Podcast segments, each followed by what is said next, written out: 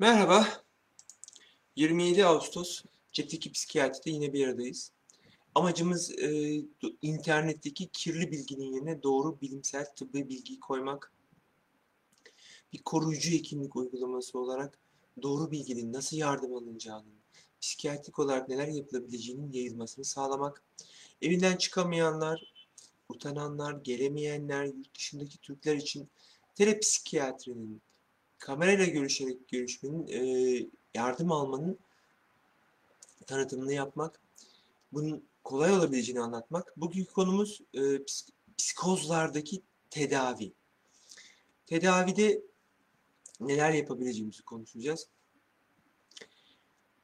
Psikoz, e, psikotik bozukluklarda, üç gündür konuştuğumuz psikotik bozukluklardaki ana tedavi ilaç. En doğal tedavi, en ilaç karşıtları bile psikoz dendiğinde ilaç kullanılması gerekir derler. Gerçekten de 1900'lerin ortasına kadar, 1950'lere kadar ilaç yokken, antipsikotiklerimiz yokken, çok büyük bir dram, çok büyük bir sayıda insan depo hastanelerde tutuluyordu. Ee, Benim yaş grubundakiler yani 50 yaş civarındakiler Uğur Dündar'ın arena programlarını hatırlar. Bakırköy'de çekim yaptığı programları hatırlar. Korkunç bir şeydi. Yani suçlu olmakla psikoz olmak arasında fark yok gibi bir şeydi. Antipsikotikler tıbbı, insan olduğunu bu anlamda biraz daha insan olma fırsatı verdi. Yani bunları bulan insanlara bu yüzden minnettarım. İlk antipsikotimiz Largaktil sanırım 1954'te filan e, sentezleniyor. Ve bu bir mucize, bu bu bir devrim, bu bir ameliyat e, tekniği. Aslında e, ilaçlarla beraber, ilaçlarla ameliyat ediyoruz biz. İlaçlarla beyinde operasyon yapıyoruz. E, psikozlardaki en temel kuram şu. Beyinde dopamin artıyor ve saçma sapan düşünmeye başlıyorsunuz. Bu neden böyle e, diyoruz? Parkinson, dopamin azlığı Parkinson yapıyor fazlalığı psikoz yapıyor diye düşünüyoruz. Bu kadar basit değil ama kabaca. Neden böyle düşünüyoruz? Parkinson ilacı piyasada satılıyor. Karbidopalar, dopamin türevleri. Bunu eğer e, bu yeni dinleyenler almaya başlarsak bugünden itibaren iki hafta içinde saçma sapan düşünmeye başlıyoruz. Bizi takip ediyorlar, hakkımızda konuşuyorlar. Acaba bizi hapis mi edecekler falan gibi hapse mi atacaklar diye saçma sapan düşünmeye başlıyoruz. İlacı kestiğimiz zaman ya da antipsikotik alırsak ya ben o saçma şeyleri niye düşündüm oluyor.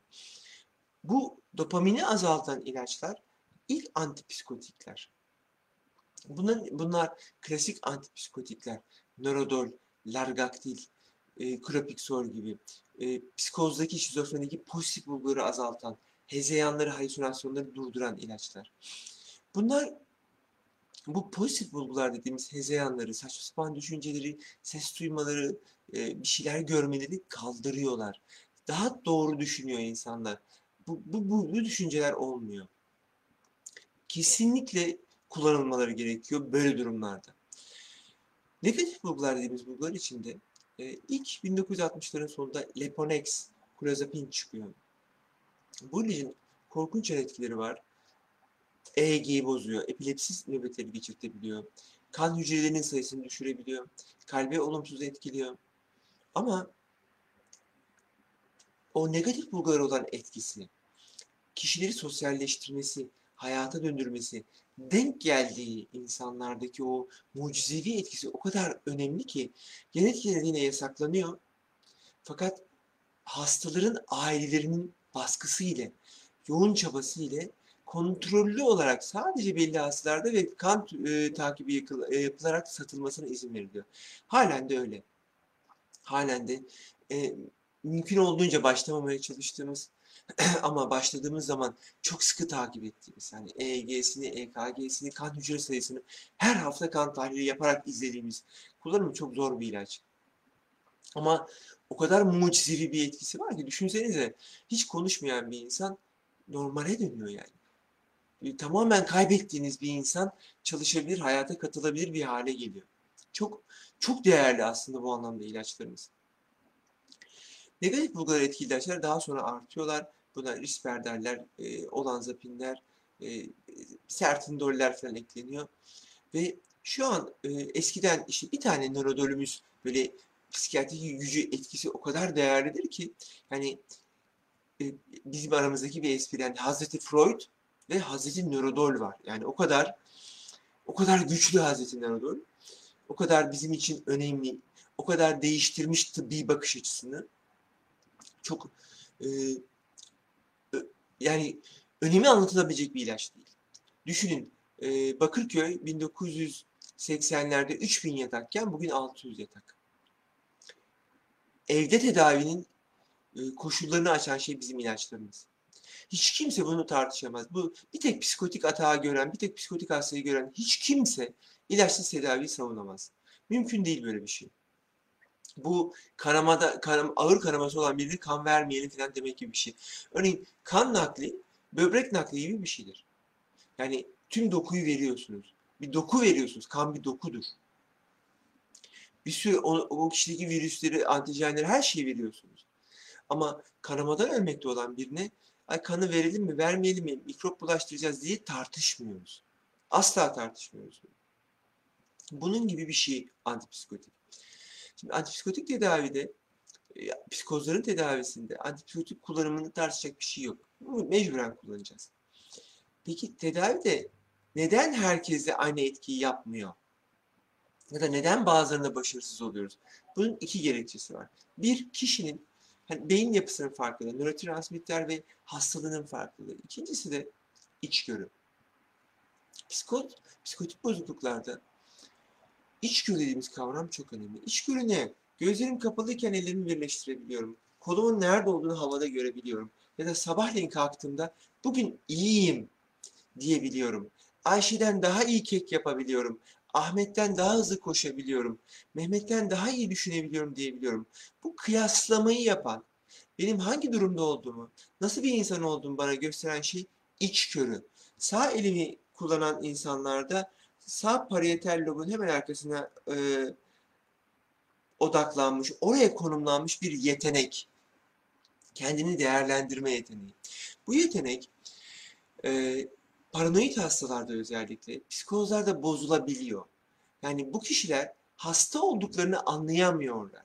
Bir renk körünün kendi hastalığını anlayamaması gibi. Ve bu nedenle de kendilerini değerlendiremiyorlar. Sağ elini kullanan sol tarafına inme inmiş e, insanlar yoğun bakımda yatıyorlar, nöroloji yoğun bakımda. Bu insanlara diyorsunuz ki ölmek üzere, her tarafında borular, direnler, e, serumlar var. Nasılsın Ahmet amca diyorsunuz. Çok iyiyim, beni evime gönderin diyor. Ölmek üzere olduğunu fark etmiyor. Yürüyemediğini fark etmiyor. Nasıl olduğunu değerlendiremiyor. Bu içgörü kaybı bizim hastalıklarımızın o canlı, o ısrarcı yapısıyla birleştiğinde çok kötü bir direnç ortaya çıkıyor. Bizim hastalıklarımızın canlı olması ne demek? Bizim hastalıklarımız hastanın kaygılarını biliyorlar. Hasta ile ilgili hastanın en derin korkularını biliyorlar ve hastayla sürekli konuşuyorlar. Hastaya diyor ki hani ilaçları bırak. Bak sana yalan söylüyorlar. Komplo kuruyorlar. Ailen doktorla anlaşmış. Bu doktor zaten aptalın teki. Zaten ilaçsız tedaviler var. Bak internette bir sürü tedavi var. İlaçsız da iyi olabilirsin. İlaç seni uyutuyor. İlaç seni fazla aptallaştırıyor. İlaç sana kilo aldırıyor. Sonra bir sürü şey söylüyor hastaya. Ve hasta bu noktada ilaç kullanmama eğiliminde oluyor. Özellikle atak geçtiyse, remisyondaysa, iyileşme halindeyse artık ilaç kullanmama eğiliminde oluyor ve ilacı kesiyor. Hasta ve aileleri genellikle 1 ila 2 yılda en az 3 kez ilaç kestikten sonra eğitilebiliyorlar. En az 3 kez e, ilacı bırakıp atak geçirdikten sonra iyi oluyorlar. Yoksa iyi olmuyorlar genellikle. Asıl tedavi eğitimi demek budur. Peki hasta tedaviyi kabul etmezse ne yapacağız? Hasta tedaviyi kabul etmezse e, vesayet altına alacağız. Yani sulh hukuk mahkemesine başvuracağız.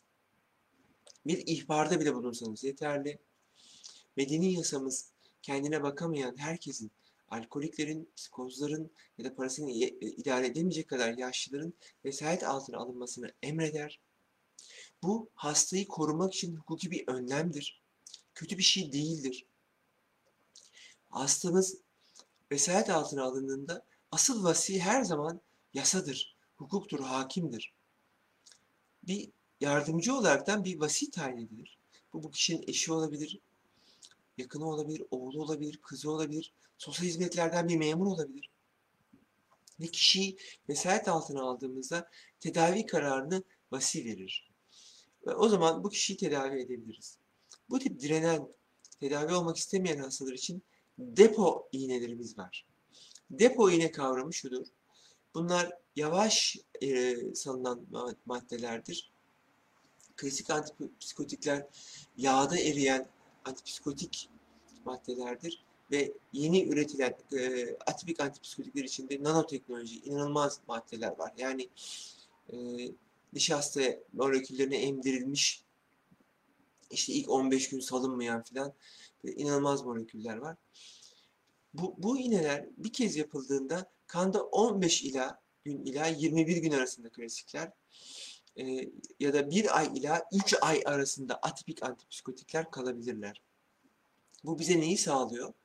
Tek bir iğne yapıyorsunuz ve e, kişi 15 gün ilaca gerek duymuyor. Çok değerli bir şey bu. E, bu üç, üçüncü, dördüncü iğneden sonra ayda bir çıkabilir. Atipik antipsikotik olan yeni nesil ilaçlarda 3 aya uzayabilir. 3 ayda bir iğne olabilir ya da 4 iğne ile psikozu tedavi etmek bir mucize. Gerçekten çok büyük bir şey bu. Sadece bu kişi bunu yapmamız lazım. Bu kişiyi tutup zorla yapamayız. Bu, bu bir suç yasalarımıza göre. Bu yüzden vesayet altına almamız gerekiyor. Klasik e, antipsikotikler çok ucuz, tedavi çok kolay. Ama atipik antipsikotiklerde atipik antipsikotikler için mutlaka ve mutlaka hani yardım almak gerekiyor. Nereden yardım alacaksınız? Bu yeni bir oluşum. Pek adı duyulmadığı için burada zikretmek istiyorum. Toplum ruh sağlığı birimlerinden. Toplum ruh sağlığı birimleri içinde psikiyatristler, psikologlar, hemşirelerin olduğu, kapalı servisleri olan, yataklı servisleri olan birimler. Eğer böyle bir şeyde imada bulunursanız, böyle bir şey anlatırsanız evinize gidip bakabiliyorlar size. Son derece önemli bir kurum, değerli bir kurum. Örneğin Balıkesir için e, iki tane toplum ruh sağlığı var. Edremit'te var, Bandırma'da var. Çok değerli çalışmaları var. Yani rehabilitasyon çalışmaları var, eğitim çalışmaları var. Balıkesir'de Mavi At Kafe. E, Sanırım bir Ankara'da var, bir Balıkesir'de var. Dünyada 6-7 tane. Psikoz hastalarının gidebileceği, cam atölyesinde çalışabileceği, aşçılık öğrenebileceği, e, hayata tekrar katılmak için rehabilite olabileceği e, birimleri var. Çok değerli kurumlar. Bu kurumlar sizinle ilgileniyorlar, takip ediyorlar. Bu tip psikoz hastalarını e, rehabilite etmek için çok uğraşıyorlar. Çok büyük oradaki meslektaşlarıma çok büyük saygı duyuyorum. Eğer böyle bir yere başvurursanız buradan yardım alabiliyorsunuz. Antipsikotik, antipsikotik ilaçların hepsinde karaciğere etkileri olabilir. Takip edilmeleri gerekir. gerekir. Hepsinin yan etkileri var. Ne gibi? Öncelikle kilo alma. Öncelikle metabolik sendrom. Mutlaka önlemler almamız gerekiyor. Yoksa hayatları tehlikeye giriyor bizim hastalarımızın. Çünkü hep söylüyorum bizim hastalıklarımız süründürür, kilo öldürür diye. Kalp üzerine etkileri var. QRS süresini uzatıyorlar. EKG takibi yapılmalı atipiklerde. Distoni, klasik olanlar yerinde duramama, yürüme isteği, kasılma gibi distoni ve akatizi yapıyorlar. Mutlaka izlenmeliler.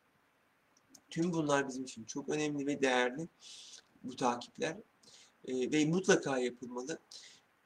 E, bu tip kronik psikozda da ne yazık ki aile hekiminden ya da bir psikologdan yardım alma şansınız yok klinik psikologdan.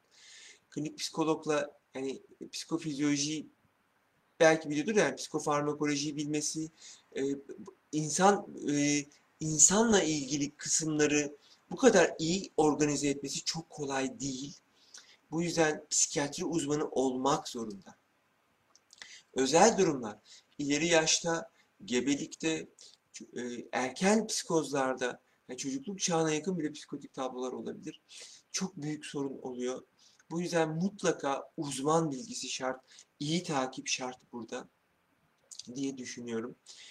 Ee, hemen sorulara geçelim. Ee, fiziksel yorgunluk ve psikoz arasında bağlantı var mı? Yorgunum konuşamıyorum diye insanda ne olabilir? Anksiyete belirtileri var demiş. Yorgunluk dediğin şey yorgunluk olmayabilir.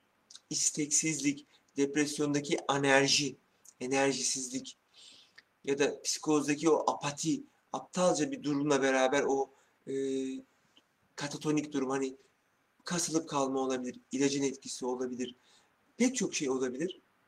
Bu yüzden önce biyolojik markerlara bakmak lazım. Kronik yorgunluğun pek çok gerekçesi var. Hocam psikotik hastalarda remisyon sağlandıktan sonra Halis Bey yine negatif belirtiler ve bilgisayar belirtileri tedavi etmek maksadıyla minimum efektif dozda geçirmeye midir? Bu arada bir miktar pozitif belirtilerin suboptimal düzeyde kalması çok teknik yazıyor şey. Akılcı olabilir mi diyor etik kayıpları. Evet burada çok özel Halis Bey her hasta çok özel bir e, vaka oluyor. Pozitif bulguları azaltır azaltmaz kombine negatif bulguları etkili bir ilaç antidepresan bile verilebilir. Doz azaltılabilir. Çok çok teknik bir konu bu. Kişinin yapısıyla çok ilişkili. Kişinin atağının şiddetiyle çok ilişkili. Kaçıncı atağıyla olduğu yıkımının düzeyiyle ilgili. Yani 10 yılda tedavi edilmeyen 40 yaşında iyice yıkıma uğramış bir hastada bir, hatta yeriyle ilgili yani adam bankada yöneticiyse bilişsel yetiler çok önemli. Dağ başında çobansa çok da öyle bilişsel yetiye gerek duymuyor. Yani hayal görmesin, kahveye gidip oturabilsin kuşkulanmadan yeterli olabiliyor. Kişiye göre pişirilen bir yemek bu. Mutlaka çok iyi takip etmek lazım. Vesayetle ilgili broşürü yorumların altına paylaştık. Psikotik bozukluklarla ilgili tavsiyeleri yorumların altına paylaştık hemen. E, rehberlik online'da sedirgin.com'da bunlara ulaşabilirsiniz. Psikoz ile ilgili e, ölçeklere rehberlik online'dan ulaşabilirsiniz.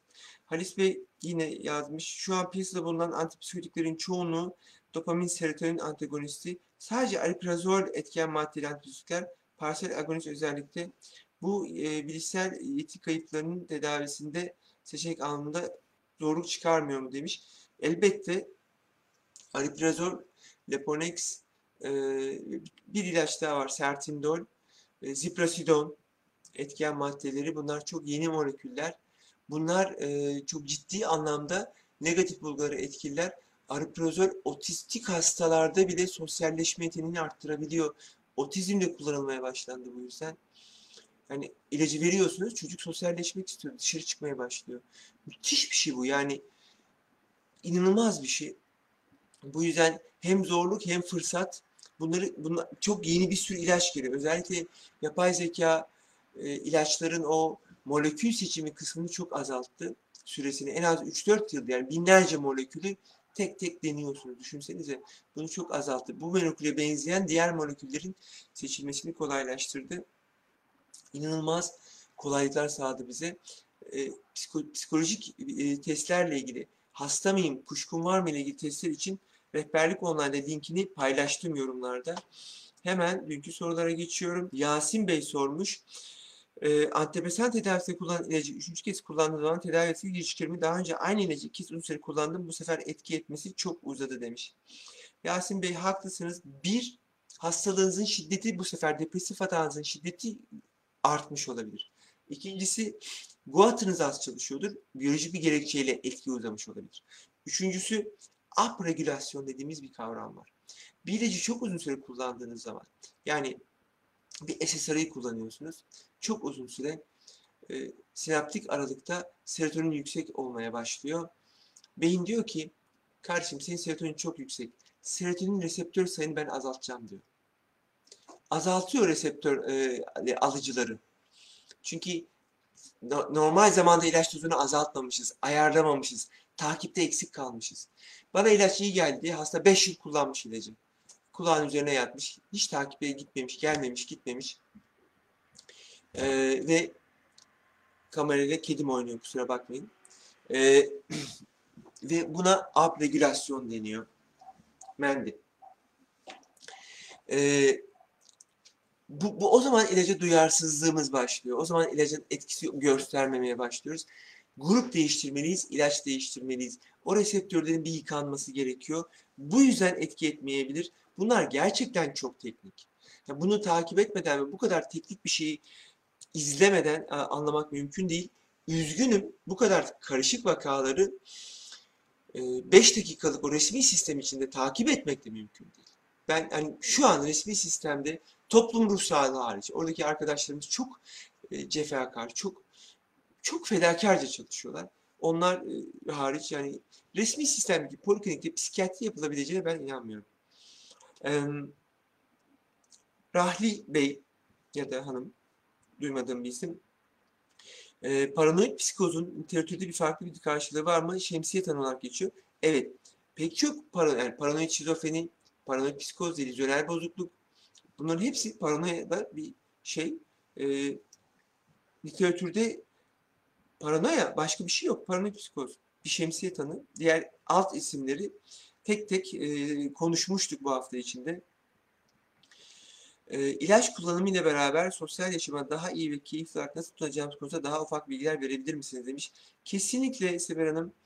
Önümüzdeki hafta e, konuyu belirleyeceğiz ama e, mutlaka çiftler ve sosyal rehabilitasyon konusunda e, konuşacağız. Neden? Psikiyatri aslında bir rehabilitasyon hizmetidir. Fizyoterapi gibi. Önemli şey eğitimdir. Mutlaka ve mutlaka müdahil olmak gerekir buna da. Ee, çok önemli. Ee, Melek Hanım, distoni için düşüncelerinizi alabilir miyim demiş. Distoni ve akatizi bizim e, antipsikotik kullanırken baş belalarımızdan biri. Nörolojik bir kavram. Kas sertliği demek. Dişli çark bulgusu dediğimiz konuzu kasarken tık tık tık tık atar dirseğiniz. Muayene yöntemimiz bu bizim. Kas sertliği olur. En güçlü kaslarımız dilimiz, boynumuz, sırtımız kasılır. Doktor ve konuşamıyorum der, dili dışarı çıkar, boynu kasılır. Son derece önemlidir. Bu vakalarda kullandığımız en önemli ilaçlarımız Somodron ve Akineton. Ucuz ilaçlar ama kontrollü reçete. Distoni'nin en ağır formu tardil diskinezi, ödümüzün patladığı, antipsikotiklerle olan ne yazık ki e, çok zor bir hastalıktır. Kişi sürekli hareket etmeye ihtiyacı hisseder. Tardiv diskinezi klasik antipsikotiklerin en kötü yan etkisidir. Allah'tan hani 30 yılda bir tek hastam oldu böyle. E, ileri yaştaki kadınlarda rabbit sendrom, tavşan sendromu diyoruz. Sürekli dudaklarını oynatır. Sürekli dudaklarını yalar e, tarih diskinezin ilk bulgularından biridir.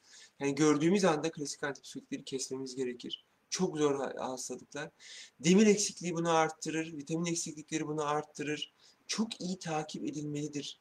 Bu yüzden ne kadar iyi olursanız olun, ne kadar iyi olursanız olun, yani 3 ayda bir böyle bir tanınız varsa kronik psikoz, 3 ayda bir psikiyatriye gidin. Yani ben kapıdan girerken hastamın yürüyüşünden, dudak hareketinden, hani doğru yolda olup olmadığımızı, hani gözündeki o ışıktan anlayabiliyorum. Yani uzun süredir takip ediyorsam. Çok önemli. Yani çok yılda dört kere, üç kere bir doktora gitmek çok maliyetli olacağını düşünmüyorum. Sizi iyi tanıyan ve takip eden, dosya takibi yapan bir doktorunuzun olması gerek. Bunlar o kadar korktuğumuz etkiler ki yani bir tek vakam oldu tarih diskinezi hala yani kendimi sorguluyorum. Hala çok zor vakalardır, çok önemlidir. Çok karışık işler bunlar. Bunları tavsiyeyle, telefonla yapamazsınız. Çok değerli bir şey bu. Bu, bu takibin karşılığı yok. Yani parasal bir karşılığı yok bunun. Bu sağlığınız, hayatınız demek. Bu yüzden çok önemsiyorum bunu. Distoni kişide yatkınlık olabilir. Yani e, ekstrapiramidal semptom dediğimiz yerinde duramama, yürüme isteği, apatizi ve distoni Parkinson'a yatkın olabilirsiniz.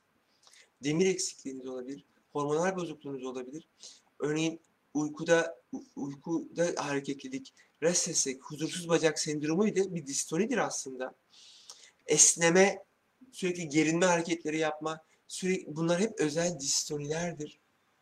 İlaç kullandığınız zaman ve bizim antidepresanlarımızla bile olabilir. Yani ben lustral alıyorum, esnemeye başladım olabilir. Çok önemli bir şey. Mutlaka hemen hekime danışmak ve yardımlaşmak gerekiyor diye düşünüyorum. Alkol ile ilaç alımının yan etkileri ciddi tahribatlar yaratabilir mi demiş Kerim Bey. Elbette aslında kesinlikle alkolle birlikte ilaç alımını önermiyoruz. Çünkü ilacın etkileri çok artıyor. Çok kolay sarhoş olmaya başlıyorlar.